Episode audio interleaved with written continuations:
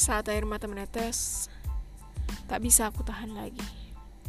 Bagaimana aku menjadi runtuh setelah semua emosiku tahan.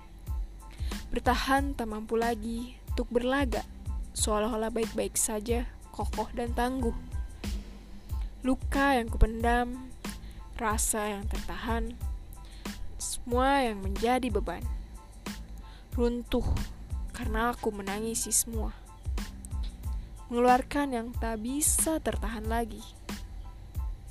Berharap pertanda yang baik untuk berhenti menjadi kokoh dan tangguh. Aku tak tangguh dan sekokoh itu. Aku juga rapuh seperti banyak orang. Membohongi diri demi terlihat baik-baik saja. Mencipta tawa menutupi luka dan kecewa. Berharap esok akan lebih baik lagi jika dunia tahu aku juga manusia biasa. Rapuh kalau rapuh, tangguh kalau tangguh, dan bukan sebaliknya. Agniars Podcast